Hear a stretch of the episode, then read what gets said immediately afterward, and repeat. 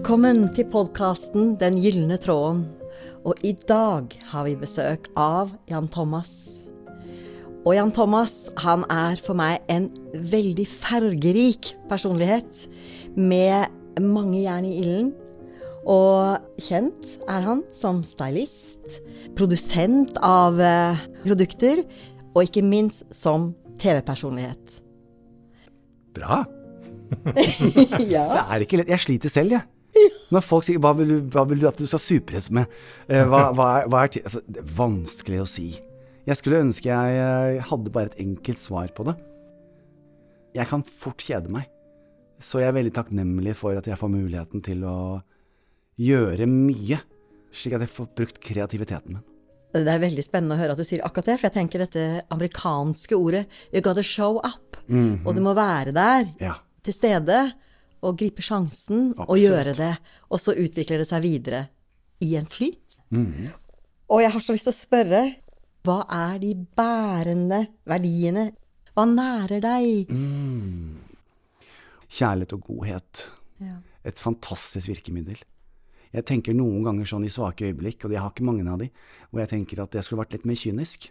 Eh, Men det har aldri ligget der for meg. Så jeg, jeg tror kjærlighet og godhet har vært et sånt verktøy som jeg har brukt gjennom hele livet mitt og hele karrieren min. Og så kan man se på det profesjonelt. Eh, hvis jeg tok eh, Jan Thomas Studio, salongene eh, våre Selvfølgelig klipper vi hår. Vi sminker og vi styler. Men det er egentlig ikke det det handler om. Det handler om de opplevelsene. Og det har vært ekstremt viktig for meg. Hva sitter du igjen med eh, når du forlater salongen? Hva har vi kunnet gjort eh, for at du skal se deg selv for den fantastiske personen som du er, som vi ser? Det kommer tilbake til det samme. Å skape fine opplevelser. Og at man passer på, har det alltid i bakhodet. Kjærlighet og godhet syns jeg er fint. Det var litt oppklarende for meg. Vi snakka om Jan Thomas i går, selvfølgelig, før vi eh, skulle ha han hit i dag. Og da sa jeg at jeg har inntrykk av at Jan Thomas er en veldig snill person. Og da bekreftet jeg det. Ja, så gjorde du det. Og så tenkte vi litt videre. Så kan det være et paradoks for noen, da, tenkte jeg. at Hvordan kan en sånn veldig snill person tilsynelatende være så opptatt av det ytre? Men nå sier du litt om det, hva det egentlig handler om for deg, da. Absolutt. Jeg tror det er et viktig poeng, fordi at fra utsiden så skjønner jo jeg også, hvis man skulle tatt det helt bokstavelig, så er jo det jeg driver med, det handler jo veldig mye om det ytre. Erfaringsmessig, etter 35 år i bransjen, så har jeg opplevd noe helt annet. Hva gjør man når man treffer en kvinne som står og ser på meg med store øyne eh, og sier eh, Jan Thomas, kan du hjelpe meg? Jeg, jeg føler meg ikke fin, jeg føler meg ikke sexy for mannen min. For hun har da gått igjennom kreft og strålebehandling. Da handler det ikke om bare det ytre. Eh, Jeg tenker ofte på Wenche Foss, som lå på intensiven med de røde leppene sine og venninnene i håret. Venninnene, da blir det løshåret sitt. Eh, Så, så det man jobber med, kan tilsynelatende virke som det handler bare om utsiden. Men det handler jo heller om å gi mennesker en styrke, se seg selv for den personen de er. Jeg tenker både at det gir en selvfølelse. Det å kunne bære den man er. Jeg husker jeg var kjempefornøyd når jeg hadde vært på programmet ditt, Happy day. Happy Day, for da følte jeg meg jo sett på den som jeg er. Kunne da på en måte vise frem mer. Og så tenker jeg på ordet velvære. Jeg bare elsker jo å gå til frisør, og negledamen min, som er blitt en god, de er gode venner også. Men det er jo noe for denne velværen. Det å investere litt tid i seg selv. Det betyr forskjellig for forskjellige mennesker, men jeg sitter jo her i dag og, og um, har vel mye av det jeg har på grunn av, av sterke kvinner gjennom karrieren min. Så jeg ser jo på meg selv som en selverklært feminist også, og så da tenker jeg sett i perspektiv, så har kvinner en helt annen kamp enn det vi menn har. Vi eh, håndterer dette her med ageism. Eh, det er ikke lett å bli voksen og eldre som kvinne. Eh, alle mulige arenaer. Og der kom jeg inn i bildet. For jeg sier Jan, Jan Thomas, ikke sant? Jan T. Janteloven, Jan T-loven. Bud nummer én, tro at du er noe. Og så tar jeg den videre. For det handler ikke om å være selvgod, men det handler virkelig om det der å å tilpasse seg, altså at jeg skal definere hvordan du skal være fordi du er 40, 50, 60, 70 eller 80. Eh, Eller eldre også. Eh, og da tenker jeg der har vi en, en liten vei å gå. Og det er mye av den jobben jeg gjør i dag, handler om å bryte ned eh, de normene som, som eh, vi har av en eller annen merkelig grunn bare kommet til å akseptere. Det er klart at å, å, bli godt voksen som kvinne, det er klart at det er noe der. Menn, håper å si, som den gode vinen, blir liksom bedre og bedre. Og kvinner kan ofte føle seg mm. ja, at man står liksom bakenfor en strek, liksom.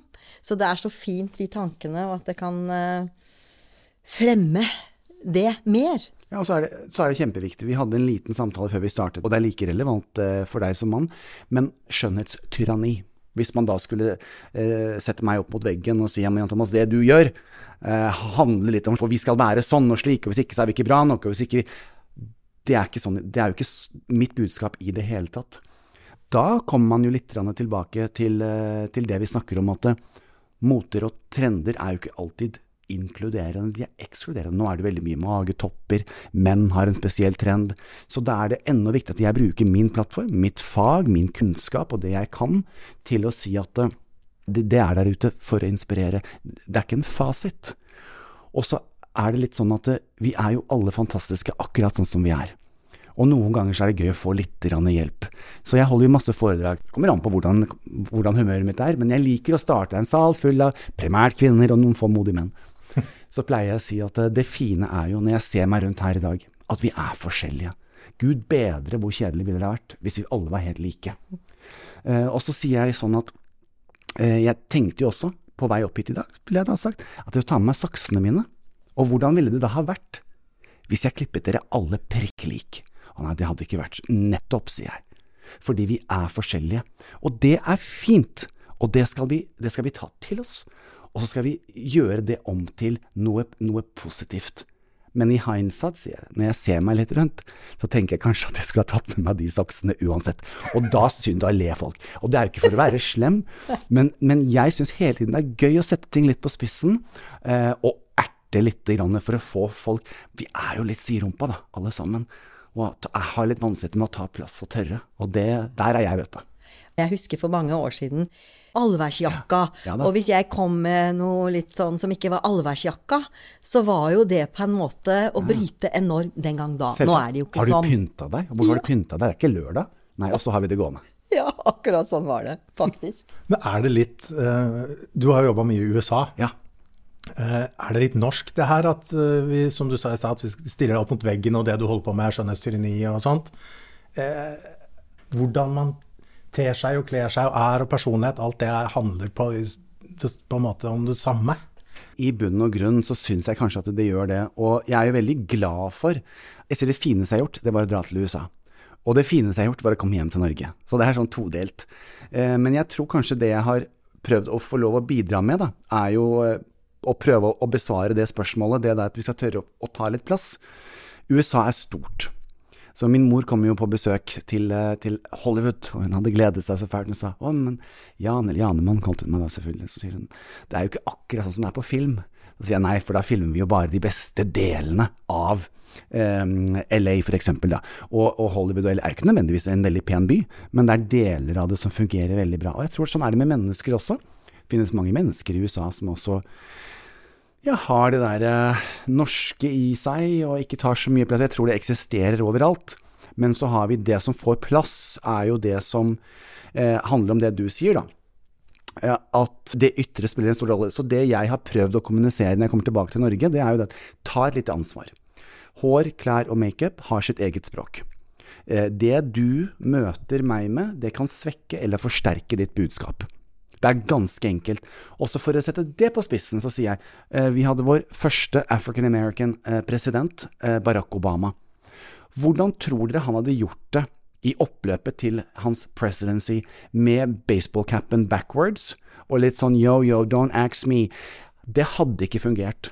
Så igjen så er det et prakteksempel på at man tilpasser seg og tar på seg sin drag, sin rustning, før man går ut. Og der tror jeg det at jeg har syns jeg selv, unorsk som jeg er, da, vært flink å sparke nordmenn i rumpa. Eh, og si det er ikke så farlig. Og det er jo ikke jeg som lager reglene i det hele tatt. Eh, de, de eksisterer. Det er en gang sånn at vi blir dømt eh, på hvordan vi eh, kler oss og ter oss. Men ene og alene, og det handler om image. Og da kan jeg kort danse i meg med alle digresjonene mine. Kort danse inn med det motepolitiet som jeg har gjort det mest suksessfulle innslaget i Se og Hørs historie. Mer enn Flaskeposten. Folk syns det er kjempegøy, og de elsker å hate deg, selvfølgelig. Og da sier jeg det at eh, et image er utrolig viktig. Så må du selvfølgelig ha talent. Og hva er viktigst av de to? Ja, det kommer jo helt an på det også. På slutten av mine foredrag, veldig ofte, så har jeg et slide, og der står det hustle until you don't have to introduce yourself anymore. Det har jeg til en viss grad klart. Michael, Madonna, Cher, de trenger bare fornavn, Gaga, vi vet hvem de er. Så derfor sier jeg det, ta det med en klype salt, men tenk over hva jeg sier. Er det relevant i ditt liv? Er du i en posisjon hvor du trenger litt Madonna og Gaga for å bli tydeligere? Og hvor tydelig er du med det ytre kombinert med det indre? Når du da delte innledningsvis også at av de verdiene som virkelig har levd med deg et liv, er godhet og kjærlighet. Mm. Og når det da på en måte er basen eller kjernen din mm. som kommer inn i dette, så blir det det det har blitt veldig bra. For jeg tror det ene lever ikke uavhengig av det andre. Ikke sant? Mm. Min egen mor eh, eh ringte meg over, over, flere anledninger, og jeg har 100 historier, men jeg husker spesielt hun sa at uh, hun hadde så lyst på en Da var vel mamma ja, i slutten av 50-årene, ønsket seg uh, Hadde lyst til å kjøpe seg en rød bukse. Men så hadde hun spurt søsteren sin Det var litt for, for de unge, det, Annie, sa hun. Det er for de. Så tenker jeg, men jeg har jo så lyst på den røde buksa. For hva tenker du om det, Jan?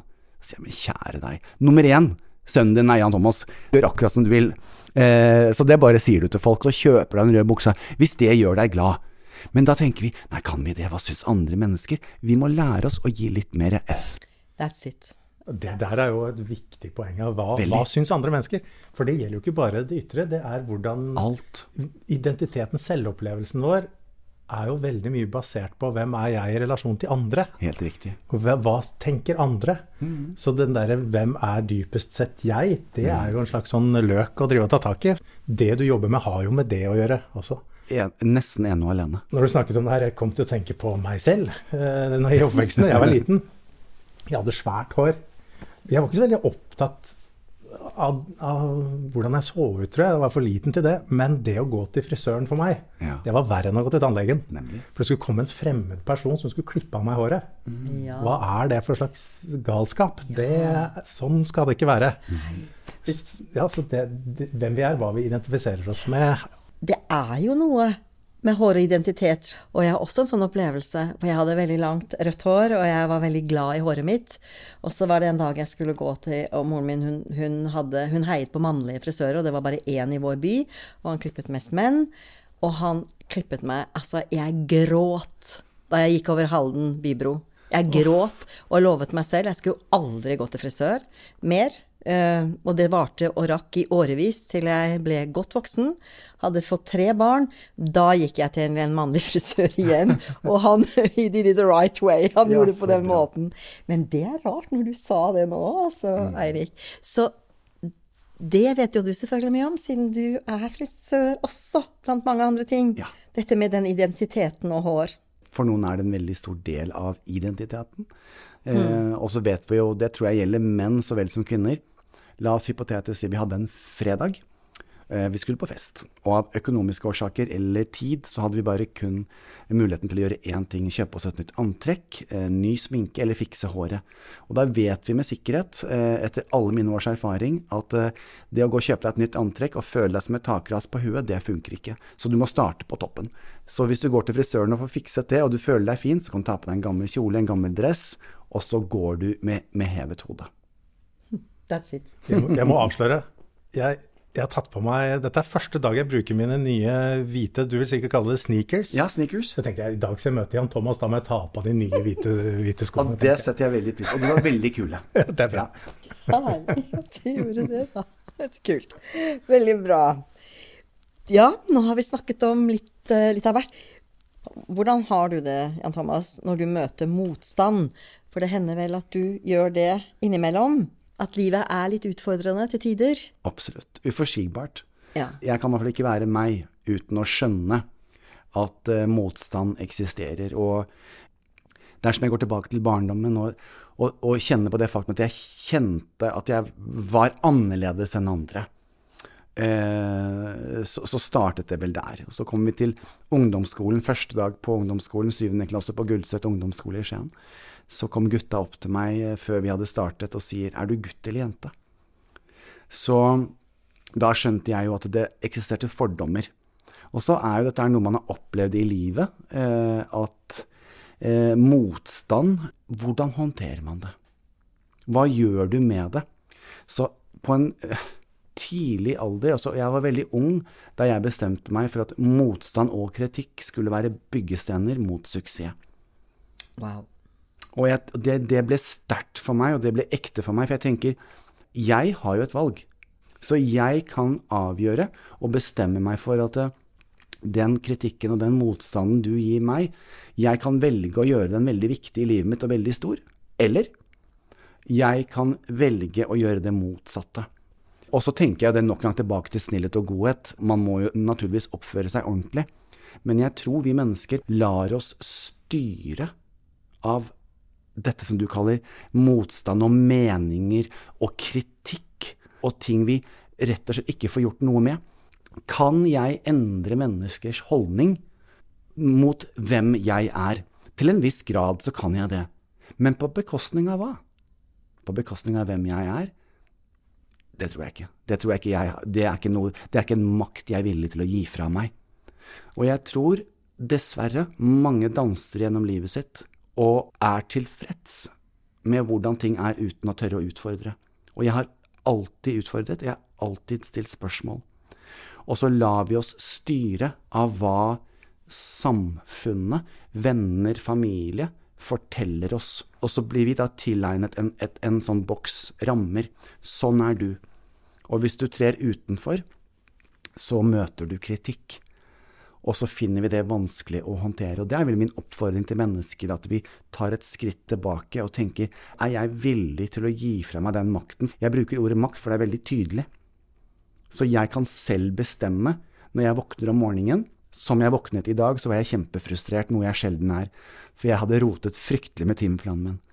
Uh, og jeg begynte å kjenne på tid. Å, herregud, jeg skal helt der, ja, nemlig. Å, herre, nå er de Og så begynte det å, å, lade opp. Og da måtte jeg ta en bevisst avgjørelse. At nå må du skru av, Jan. Og så tar du tilbake den makten. Dette kan du snu om, og så gjør du det om til noe positivt. Så kommer jeg ut hit, eh, som er et eventyr av et sted. Så tenker jeg, er det ikke rart? Jeg var så stresset i dag tidlig. Men akkurat nå så skjønner jeg at dette er jo det eneste riktige stedet å være. For det var akkurat det jeg trengte i dag, før jeg skal ut på en liten jordomseiling igjen i morgen. Fint at du sier akkurat det.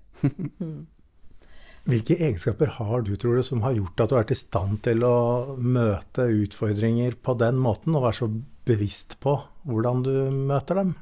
Altså, si det.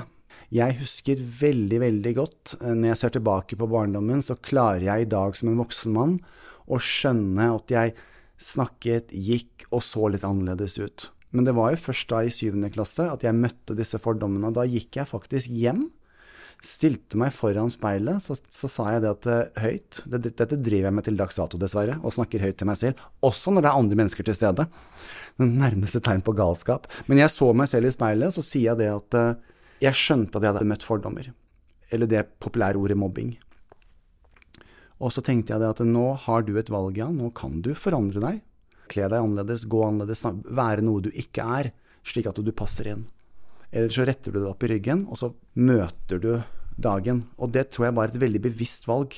Var jo født i Skien, oppvokst på en bitte liten øy i havgapet utenfor Bergen. Og det der å være annerledes, vet du, det var ikke alltid så greit. Og det var nok en bevissthet jeg hadde. At jeg er perfekt og fullkommen sånn som jeg er. Og så får du eh, avgjøre om du klarer å akseptere det eller ikke. Jeg, jeg, kan jo ikke forandre meg sånn at du skal like meg. Jeg vil gjerne at du skal like meg, det er veldig hyggelig, men ikke på bekostning av hvem jeg er. Du har kommet på en måte styrka ut av å, å ikke passe inn, på en måte. Absolutt. Det høres sånn ut. Ja, at du har snudd det til noe positivt. Du har lært deg den harde veien, på en måte. Ja. Og det tror jeg er en fin ting. Eh, jeg var på God morgen Norge en gang med eh, kunstner Hva heter han eksentriske med jordbærmus? Aune Sand. Aune Sand, takk for det. Aune Sand eh, satt og beskrev dette vidunderlige treet Det perfekte treet. Og han beskrev grenene og blomstene på treet. Alt var perfekt. Bortsett fra én gren. Den var skeiv. Den passet altså ikke inn på dette treet. Og den greina, sa han, det er Jan Thomas. Og jeg håper at min sønn blir akkurat sånn. Og det har jeg tatt med meg. tenkt, ja, vet du hva, la meg endelig være den skeive greina på treet. Og det sier jeg i dag til TV-kanaler. I den grad noen andre kan gjøre den programlederjobben, og da har jeg lyst til å utfordre deg til å finne noe som bare jeg kan gjøre. For jeg har lyst til å representere noe som er annerledes, og gi håp og gi stemme til alle som, eh, som kjenner litt på det. Veldig fint. Og jeg tenker også det er en sånn frihet som du har opparbeidet på en måte da, gjennom dette. Og akkurat nå når vi begynte å snakke om, og du snakket om ungdomsskoletiden din, eller møtet med det, da, så kom jeg til å tenke på noe som ikke jeg har tenkt på på kjempelenge. Men jeg var yngst og minst i klassen i barneskolen, mm. og var på en måte annerledes. Faren min var kunstner, og kjente på det. Men da skjedde det noe med meg òg. Jeg hadde ikke så bevisst som du har, men jeg tror jeg identifiserte meg da fordi jeg elsket jo å danse, turne, eh, stå på scenen. Altså, jeg identifiserte meg kanskje med, med det som ga meg kraft, da. Mm. Kanskje det ble et grunnlag da, men jeg har ikke tenkt på det før. Mm. Det var også en sånn annerledeshet å være liksom lav og yngst, ikke sant, og måtte strekke seg veldig etter de ja. andres som Det kommer i alle ja. forskjellige innpakninger. Absolutt. Og nå har vi jo innpå dette med hva du har snudd da, av motstand til noe veldig fint. Hva er det som gir deg livsglede, glød? Kjærlighet. Kjærlighet, ja. Det er det fineste jeg vet om. Det er universalt. Og alle kan relatere seg til det. Jeg syns det er nydelig. Eh, musikk. Elsker Det er ingenting i verden som kan trigge følelser, ta deg tilbake til et sted, kjenne en duft, et minne tydeligere enn musikk, på tvers av generasjoner, på tvers av religion. Tenk trenger ikke å forstå et ord av vedkommende synger dersom det er sang. Så det spiller på et følelsesregister, eh, ulikt noe annet jeg vet om. Helt enig. det er bra. Her er vi en treklang som virkelig kjenner. Ja. ja det er noe magisk i det feltet. Uh, så absolutt. Ja. Og det er jo det der å vite at du, du kjenner at, uh, at, du lever. Um, og, også, og, og, vite det at uh, dette er noe alle kan relatere seg til. Det, det, er så å si Og det tar oss tilbake til disse fine øyeblikkene. Og det nyanserte i musikken også. Ja, ja. Du kan Er du lei deg, eller ønsker å åpne hjertet mer, eller trenger litt energi, så har du liksom musikk for alt, altså. Heldige vi er som ja. har musikken. Ja, virkelig. Ja. Og gjennom musikken så kommer kjærligheten også. Ja, det er sant. Blant annet. Ja. Du jobber jo også med musikk. Ja. Har du fortalt om? Kan du si litt om det? Ja, altså jeg, jeg, snakker ikke så veldig mye om det, fordi at der tar jeg liten plass. Jeg som person tar stor plass. Ofte. For det var veldig lenge jeg og unnskyldte meg litt. For jeg syntes det var litt flaut å si at jeg drev med musikk, for jeg er jo ikke en musiker. Jeg kan jo ikke skrive musikk, og jeg kan ikke spille. Og så er jeg jo ikke verdens sterkeste vokalist, dette vet jeg jo veldig, veldig godt. Allikevel så skal jeg få lov å kalle meg selv en artist. Det jobbet jeg lenge med, at jeg fortjente, og da begynte jeg å sette det på spissen. Jeg kan ikke synge som Céline Dion. Hun kan ikke synge som meg. Og så har jeg en god venn, Morten Harket, som eh, de fleste av oss, vil jeg tro, kjenner til. Og da skulle jeg inn og spille inn Jeg hadde skrevet uh, altså, altså, Hvem er det som gjør sånt? Jeg. Jeg skrev min andre selvbiografi i en alder av 55.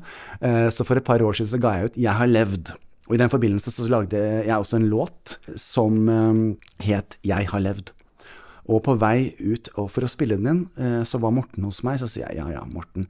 Så jeg, Gud, ja, altså, går det an å være så gæren, og så spille den for Du kan ikke det, Så det tør du ikke. Det er sårbart, ikke sant. 'Jeg har levd' er en veldig fin låt. Jeg syns den er helt ny. Jeg hører på den til dags dato. Uh, og, så, og, så, sier Morten til meg det, for jeg, jeg, jeg får nå synge med den stemmen jeg har. Nei, sa han. Syng med hjertet. Og det har altså reddet meg uh, med de låtene jeg har levd. Og, og, og min sjanger er jo pop, viseballader med en tekst som, som betyr noe. Jeg har levd uh, starter jo med 'Jeg kommer hjemmefra' hvor jeg en gang hørte til. Eh, så viktig å huske på. At man faktisk har en tilhørighet. Jeg kommer hjemmefra, hvor jeg en gang hørte til. Musikk for meg er terapi. Det er ikke min hovedgeskjeft, eh, men sånn, sånn, innimellom så eh, kjenner jeg det behovet, at jeg har lyst til å gå i studio, for det er en sånn universal, fin måte å kommunisere på. Så eh, det ligger vel en seks-syv låter der ute. Og det verste av alt, at eh, jeg har levd og fest eh, klatret seg jo inn på de svenske listene også, så det syns jeg var veldig, veldig gøy. Men det er jo ikke sånn at jeg står og forventer eller tror at det blir noen Spellemannspris med det første. Men til gjengjeld så har jeg Gullruten for TV-programmer. Så, så, for meg, det er en egen reise, og jeg tror det skal vi lære oss å tillate oss også. Ingen skal få lov å peke fingre på meg og si 'men hvorfor driver du med det, du bør bruke tiden din på å lage mer leppestift'. Dette er viktig for meg. Og det er Knut Bjørnar Aspol som, eh, som har jobbet mye med Alexander Rybak, blant annet. Knut Bjørnar er et eventyr av en mann, og han ene og alene var den personen som så meg, gjorde mitt talent tydelig og fint for meg selv, la meg i et register hvor jeg hørte hjemme, og dere har jo hatt Hanne Krogh her, som er min søster, min sjelevenn. Hun har vært i livet mitt både tidligere liv og et nydelig menneske. Og eh, Hanne hadde et album som kom ut rett før min mor eh, døde. Eh, på det albumet så var det en låt som het Jeg ror alene. Eller bare Ror alene. Og den hadde en stor betydning for min mor og meg. Og Hanne sang den i begravelsen til mamma, så jeg kunne nødvendigvis ikke høre på den på noen år. Eh, men det er en fabelaktig låt. Og da jeg skulle, En av mine drømmejobber var jo å få lov å lede Allsang på grensen med Katrine Moholt, og det fikk jeg. Og i den forbindelse så måtte jeg synge. Og da sier jeg det eneste jeg har lyst til å gjøre, det er å synge 'Jeg ror alene' med Hanne. Og Hanne sa jo da ja. Eh, og det handler jo nok en gang om det der å synge med hjertet. Og så tenker jeg, hvis du har stått på scenen og sunget med Hanne Krogh, da, da, da har du fått det til. Veldig fint hvordan du formulerer hva musikk handler om. Altså. Jeg tror mm. det er mm. mange som kjenner seg igjen i det. Det å liksom finne veien hjem til seg selv. Ja. For musikk og kunst for den saks skyld er jo noe du må holde på med for din egen del. Ja. Og så får man håpe og tenke at hvis noen andre mm. liker det, kjenner seg igjen i det, så fantastisk. Mm. Jeg må innrømme jeg, jeg, gjør det samme, Jeg skriver låter og har venner som driver studioer, og så ja. jeg spiller inn noen låter. Jeg gikk på musikkfolkehøgskole med Knut Bjørnar. Ja. Så kan, da, sender vi en hilsen til Knut Bjørnar. Ja, det gjør vi faktisk. herlig. Det er jo fint å vite, ja. Og, og, han er så flink å skrive tekster, og jeg tror hvis noe rører ved deg, så, så skal du være oppmerksom på det. Og det er jo så herlig, dette med å synge fra hjertet. Mm. Og jeg har jo da også bare ja, ja til musikk. Mm. For det har virkelig vært en gyllen tråd i livet mitt, det er helt, helt klart. Og jeg har også sunget i kor, men uh, musikk har for meg også vært dansen. Mm. Fordi det har vært min bakgrunn mm. utdannet innenfor dans og bevegelse. Så jeg har brukt musikken da til det mm. også. Så livet pågår gjennom bevegelse og selvfølgelig også hvile. Men uh, det er noe med det at uh, det løfter, og det løfter hverandre, tenker jeg, en sånn Absolutt. fin klang som vi er i nå. Nå har jeg jo spurt litt omkring, eller vi har snakket og drådd litt. Altså, er det noe Ja, nå har du sagt det, egentlig, at musikk inspirerer deg, i hvert fall. Mm. Er det andre ting som du tenker er inspirerende for deg i ditt liv? Er reiser det, f.eks.? Absolutt. Reis helt eh, Altså, det, nå tror jeg jeg snakker for mange. Pandemien satte jo en stopper for det å kunne reise og oppleve, og for meg er det helt essensielt. Jeg kom til Norge for første gang som voksen i 2001, da jeg var borte i 20 år. Og så skulle Hanne og jeg til, eh, til London sammen. Så sier Hanne 'Å, så deilig, Jan'. Da er det bare Jan og Hanne. Eh, Krog og Thomas får ikke lov å være med. Jeg tenkte det var en underlig ting. Men så skjønte jeg hva hun mente. Og nå i dag kan dere tro jeg skjønner det. Så jeg sier alltid at Jan Thomas får ikke lov å være med på tur. Eh, det er bare Jan. Så det er veldig viktig for meg å få lov å reise og, og både faglig sett se og kjenne på andre energier. Eh, Bokstavelig talt på andre måter damer og menn kler seg på. Så jeg besøker ofte storbyer for å hente inspirasjon faglig sett, men også menneskelig sett. Lorraine er en veldig god venn av meg som alltid har organisert reisene mine. Og jeg er veldig veldig glad i henne. Og hun sier at hva er formålet nå, Jan? Er det inspirasjon faglig? Eller er det for sjelen din? Er det for hjertet ditt? Hva, hva er det du trenger? Og så basert på hva jeg kjenner at det behovet er. Og noen ganger så er behovet et veldig stille sted, eh, hvor jeg kan få lov å hente meg inn, reflektere over hva som er viktig for meg. Eh, og da er Mexico en destinasjon. Har et sted nede i Puerto Vallarta hvor jeg kan søke tilflukt. Hvor ingen vet hvem du er. Og der kan jeg være en måneds tid. Og, og da opplever jeg jo noe helt annet enn når jeg drar til Paris, London, New York på en moteuke, eller til Milano, eller hvor. Men jeg er veldig avhengig av å reise. Hva, hva, gjør du da når det er en måned i Mexico? Ingenting. Nei, ok, så fint. Altså virkelig ingenting. Det er så tullete. Jeg har vært der så mange år, så jeg kjenner jo mye folk. Så la oss si at jeg har vært der et par uker, så treffer jeg en bekjent eh, på gaten. Så sier han 'Å, herregud, så hyggelig å se deg, Jan'. 'Jøss, kom du i går?' 'Nei, så jeg har vært der i to uker'. 'Oh, why didn't you call me?' Hvorfor? Jeg har jo ikke noe behov for å snakke, eller jeg vil bare være i ro. Så jeg gjør ingen verdens ting. Jeg legger meg halv ni-ni hver kveld. Jeg går jo aldri ut på klubber, og, og da er det flipflops og shorts hver eneste dag. Så svaret er jeg gjør absolutt ingenting. Det er en intern reise som er utrolig viktig for meg. Jeg tipper dere kan kjenne dere litt igjen i dette her. Det blir litt mye meg for meg også. Skjønner du det? I hverdagen. Mm. Det er litt mye Jan Thomas. Det er sånn at jeg blir helt sliten av det noen ganger selv. Så jeg trenger å få en distanse og bare få lov å være og eksistere utenfor alt det der støyet, som også er veldig fint. Men jeg trenger et avbrekk. Du reiser på en personlig retreat som ja. bare blir til av seg selv, på en måte, ved å reise et sted. Mm. Har du hatt noen vendepunkter i livet ditt som du kan klassifisere som vendepunkt? Ja, absolutt. Eh, kanskje, kanskje, flere, men eh, i tråd med det vi snakker om, så tror jeg nok at fra barndommen av så hadde jeg alltid jeg hadde tydelige drømmer. Jeg skulle et sted. Jeg ville bli en stjerne. Jeg ville bli kjent. Store deler av livet handlet om meg, min karriere, min reise, min kropp, mine muskler, min popularitet. Og, og det er på forskjellige steder i livet dette her skjedde. Men jeg tror det ble ekstremt tydelig for meg da man gjør det som er helt normalt når man er singel. Man tar med seg tolv single menn, og så reiser man til Sør-Afrika for å lage TV-program for å finne kjærligheten. Det kan, det kan, anbefales. Det kommer med utfordringer. Men eh, vi var mot slutten av TV-opptaket. Eh, og eh, makeupartisten min og stylisten min, Mette, eh, gjorde det. Fantastisk nydelig dame som mange kjenner. Min venn. Din venn Marianne. Og min assistent, som, som, kjørte meg. Jeg kjørte alene med Mette og, og han. Og vi var på en vei hvor vi var omringet av åpne sletter og enorme høye fjell.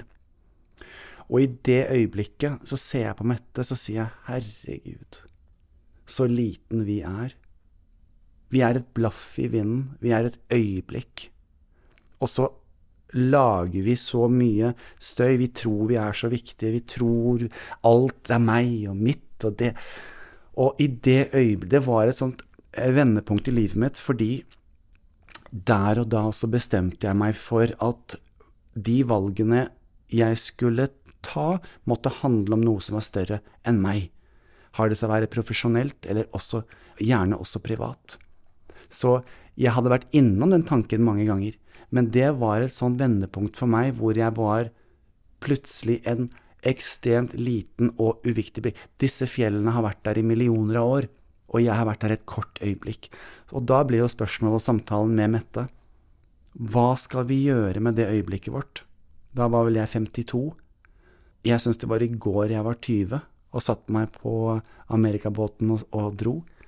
Og jeg syns det var i går jeg var i syvende klasse, første dag på ungdomsskolen.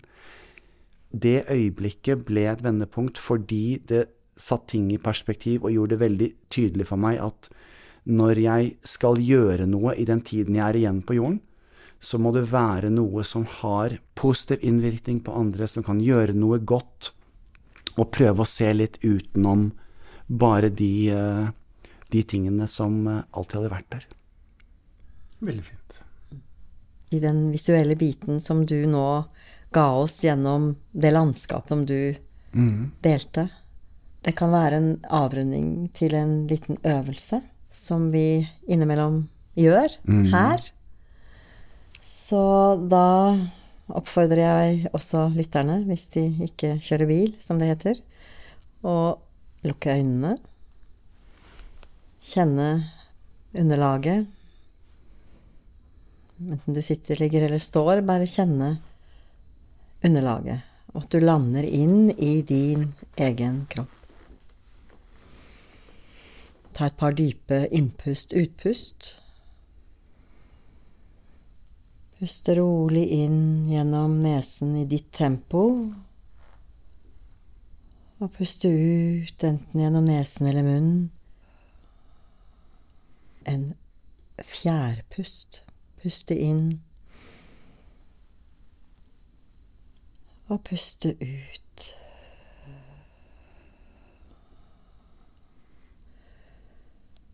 Puste inn. Og puste ut. Og nå kan du legge hånden over hjertet. Når du gjør det og vender eh, bevisstheten innover, så kan du gjerne se for deg et indre landskap som gjerne korresponderer med et ytre landskap sånn som Jan akkurat delte nå. Det vakre landskapet som åpnet opp for det som er mer. Kanskje har du et indre landskap som resonnerer, enten at du skaper det i stunden, eller som har gjort inntrykk på deg i det ytre, og som på en måte blir din plass, hvor du kan kjenne deg hel og lande inn i en form for ro i deg. Kanskje fins det planter der, det er trær eller fjell, vann, sjø. Det kan også være at det er et sted i en by som du føler knytter an til den du er. Knytter an til godhet, kjærlighet. Og med denne lille øvelsen ønsker jeg å takke deg, Jan Thomas, for en veldig fin stund. Gylne øyeblikk. Takk til dere som lytter på podkasten.